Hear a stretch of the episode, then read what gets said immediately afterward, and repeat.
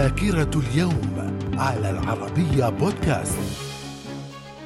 أهلا بكم إلى ذاكرة اليوم الخامس والعشرين من أكتوبر.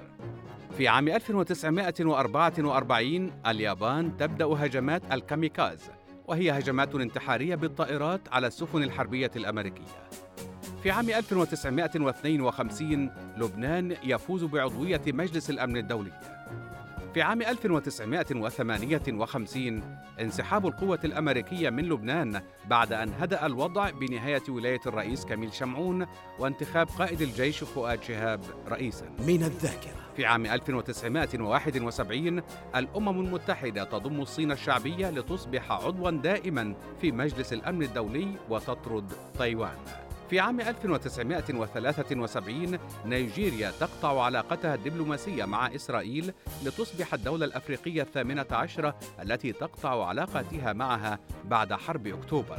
في عام 1976 بداية أعمال القمة التاسعة لرؤساء الدول العربية بالقاهرة.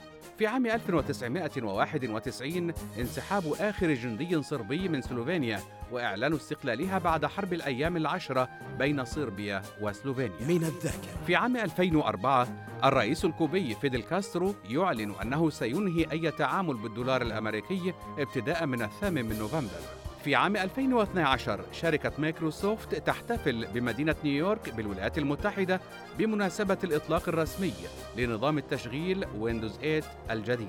في عام 2015 لويس هاميلتون يفوز ببطولة العالم للسائقين في موسم 2015 من الفورمولا 1 ومرسيدس تفوز ببطولة الصانعين.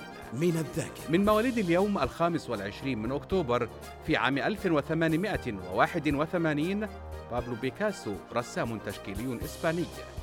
في عام 1952 سمير جعجع سياسي لبناني. إلى اللقاء.